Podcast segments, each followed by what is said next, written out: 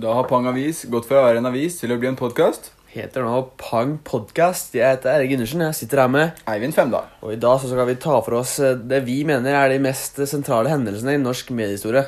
Eivind, kan ikke du fortelle om litt eh, hva vi skal snakke om i dag? Vi skal begynne å snakke om avisa før vi tar for oss radioen. Og så går vi over til fjernsynet, og da til slutt eh, internettet, da. Hvordan, hvordan følger det? Ja, da tar vi en litt sånn kronologisk rekkefølge. og starter med avisa. Og den eldste avisa jo, ble funnet i Kina for om lag 1000 år før Kristus. Og den ble da skåret ut på treplater og deretter trykket. Og Eivind, kan ikke du fortelle litt om eh, hvordan avisene kom til Norge, og når de kom til Norge? Jo, de første avisa kom til Norge i 1763, og den het eh, Norske intelligenssedler. Før det så var det under en dansk koloni, så det var København og Danmark som hadde kontroll på avisene. Adresseavisen er Norges eldste eksisterende avis.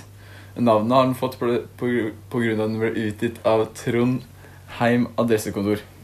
Adressekontorene lot publikum rykke inn annonser mot betaling.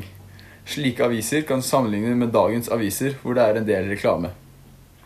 Eh, Etter hvert som Danmark og Norge ble oppløst, fikk Norge sin egen grunnlov. Og i Grunnloven står det om paragraf 100, hvor det snakkes om ytringsfrihet, som er sentralt for at avisene kan eh, formidle meninger og synspunkter om politiske spørsmål uten sensur. Og det er jo, som sagt, som Eivind sier, er veldig viktig for, eh, for demokratiet også. At pressen kan si og fortelle det den mener uten noe særlig konsekvenser for det. Ja, og for å gå litt nærmere inn på utviklingen til eh, pressen og avisene, så ble jo det ganske heftig modernisert etter midten av eh, 1800-tallet. Og har du noe å spytte inn på det, Eivind? Ja. For eksempel på slutten av 1860-årene ble tekstil erstattet med billig tremassepapir, som gjorde det mye lettere å produsere. Ettersom dampdrevne maskiner kom på markedet, ble trykkingen også mer effektiv. Aviser som Aftenposten og Morgenbladet skiftet til nytt utstyr. Ja, og det er jo På denne tiden eh, ble jo redaktører og journalister nye yrker, og det ble jo skapt mye fokus på avisene. og Med mange som eh, leste og fulgte med på avisene, så ble det jo også flere aviser. Og I 1890 var det ca. 100 aviser i Norge, men eh, etter unionsoppløsningen i 1905 eh, ble det dobbelt så mange aviser. Ja, Og at det vokste fram masse nye aviser på, på slutten av 1800-tallet, så var det også flere politiske partier som også vokste fram og brukte, stiftet da sine egne aviser. Uh, og det, det som sto i avisene, var ofte i likhet med det partiene mente og hadde som planer, da. Avisene med disse partipressavisene var det også lettere å nå ut til folk, og partiene vokste sakte, men sikkert. Ja, og på den måten ble liksom dagspresse eh, til det som kalles partipresse. Ja, og samtidig som avisene ble mange flere på slutten av 1800-tallet, og politiske partiene brukte de flittig, så oppdaget man også radiobølger på samme tiden. Og det ble jo da brukt til å kommunisere. Men radio som med programmer og kanaler slik vi kjenner den i dag, kom ikke før etter første verdenskrig.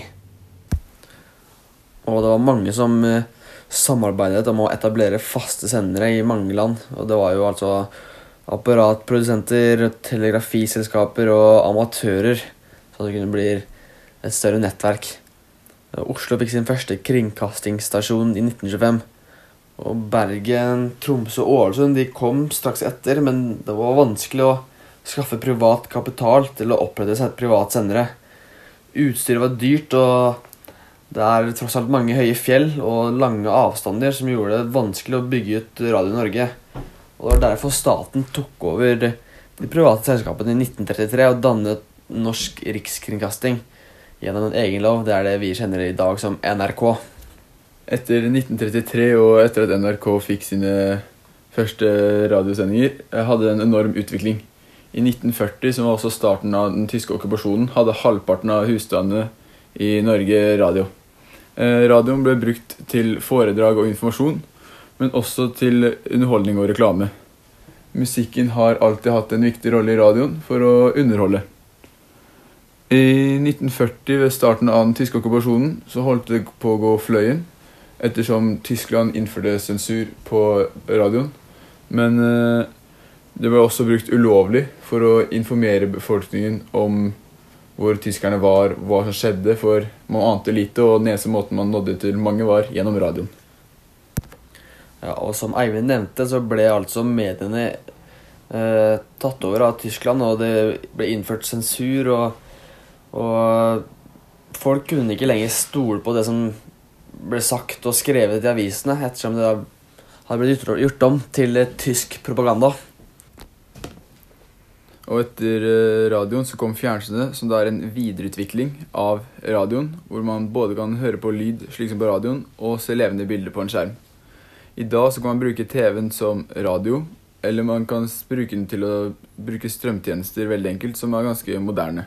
Ja, og, men uh, innføringen av fjernsynet fikk altså store konsekvenser for de andre massemediene. Det ble altså mer dominerende, og de andre massemediene måtte få støtteordninger fra staten for å klare seg gjennom uh, innføringen av fjernsynet. da. Eh, ja, og norsk fjernsyn åpnet uh, offisielt i 1960 med både taler av kongen og statsministeren, men det hadde allerede vært noen prøvesendinger noen år tidligere. Og ifølge kringkastingsloven som kom på på 1930-tallet, eller litt mer eksakt 1933, så hadde NRK enerett til å drive eh, kringkasting av både lyd og levende bilde. Og når det først kom i gang skikkelig, så utviklet, seg, utviklet fjernsynet seg raskt. Og i 1973 passerte antall TV-lisenser 1 million. Og på, på dobbelt så lang tid som dette, så hadde radioen kommet til like mange uh, enheter. da. På den måten utfordret uh, på en måte fjernsynet radioen, og det måtte tilpasse seg. Uh, radioen ble da en sekundær aktivitet. Og det er jo altså at uh, det er noe man hører på mens man gjør egentlig noe annet. F.eks. bilradioer og reiseradioer ble mer vanlige. Og da kunne man f.eks. høre på musikk eller eh, ja, diverse eh, kanaler da, på radioen mens man kjørte bil. Eh, og Fjernsyn derimot var noe man f.eks. samlet familien til på kveldene, og da var det det som var fokuset. Ja. Etter hvert som fjernsynet ble større, ble kinobesøkene halvert, og kinoen trengte statlig støtte for å kunne drive og opprettholde drift. Støtteordningen til filmproduksjonen ble utvidet, da, og gjennom avtaler ble det mindre rom for NRK å ha spillefilmer, som gjorde da at kinoen ikke forsvant. Og det var jo enda godt at uh, filmproduksjonen og kinoen ikke ble borte, for da hadde de ikke fått uh, norske legendariske filmer som Ivor Caprinos Flåklypa Grand Prix. Og da hadde heller ikke James Bond-filmene blitt så populære som de er i dag.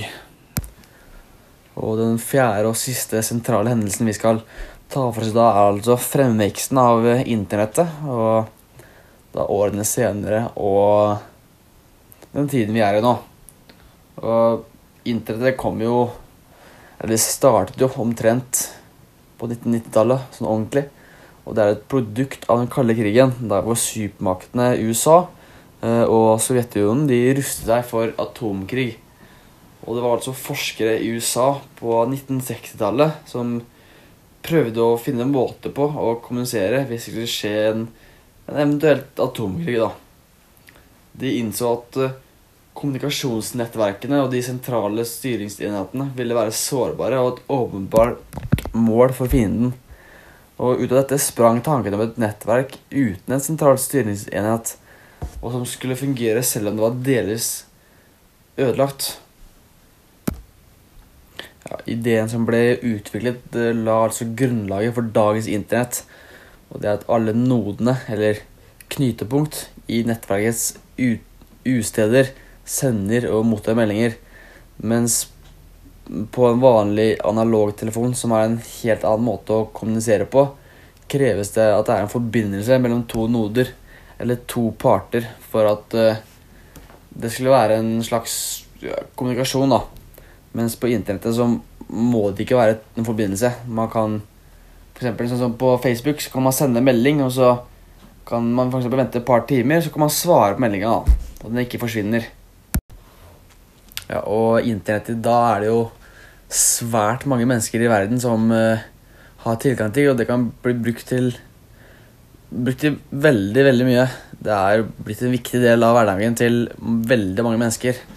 Og har du noe Har du noen positive ting man kan bruke internett til, Eivind? Ja, det er mye positivt man kan bruke det til.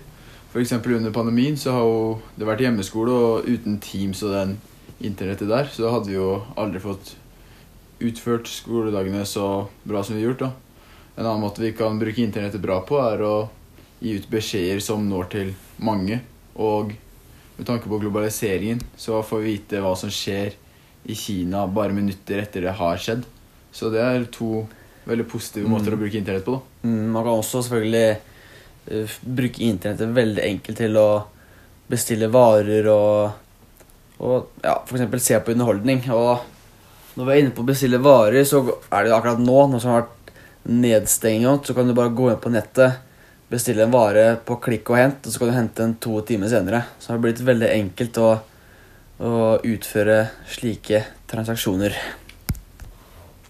Ja, og internettet, da er det jo svært mange mennesker i verden som uh, har tilgang til, og det kan bli brukt til brukt til veldig, veldig mye. Det er blitt en viktig del av hverdagen til veldig mange mennesker.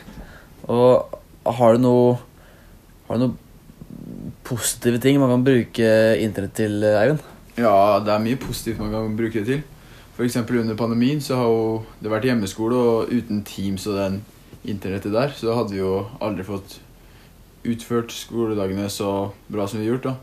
En annen måte vi kan bruke internettet bra på, er å gi ut beskjeder som når til mange. Og med tanke på globaliseringen så får vi vite hva som skjer i Kina bare minutter etter det har skjedd. Så det er to veldig positive måter å bruke internett på. da. Mm, man kan også selvfølgelig eh, bruke internettet veldig enkelt til å bestille varer og, og ja, f.eks. se på underholdning. Og når vi er inne på å bestille varer, så er det jo akkurat nå, nå som har vært nedstenging, så kan du bare gå inn på nettet, bestille en vare på klikk og hent, og så kan du hente den to timer senere. Så det har blitt veldig enkelt å, å utføre slike transaksjoner.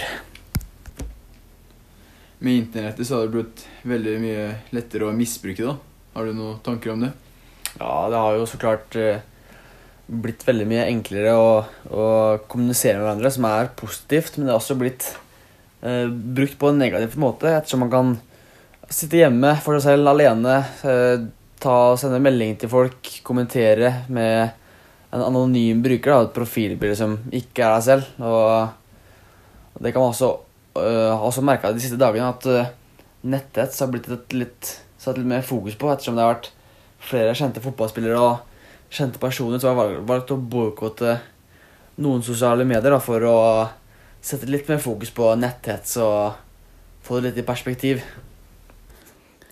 Dette var altså første og premieren på Pang podkast.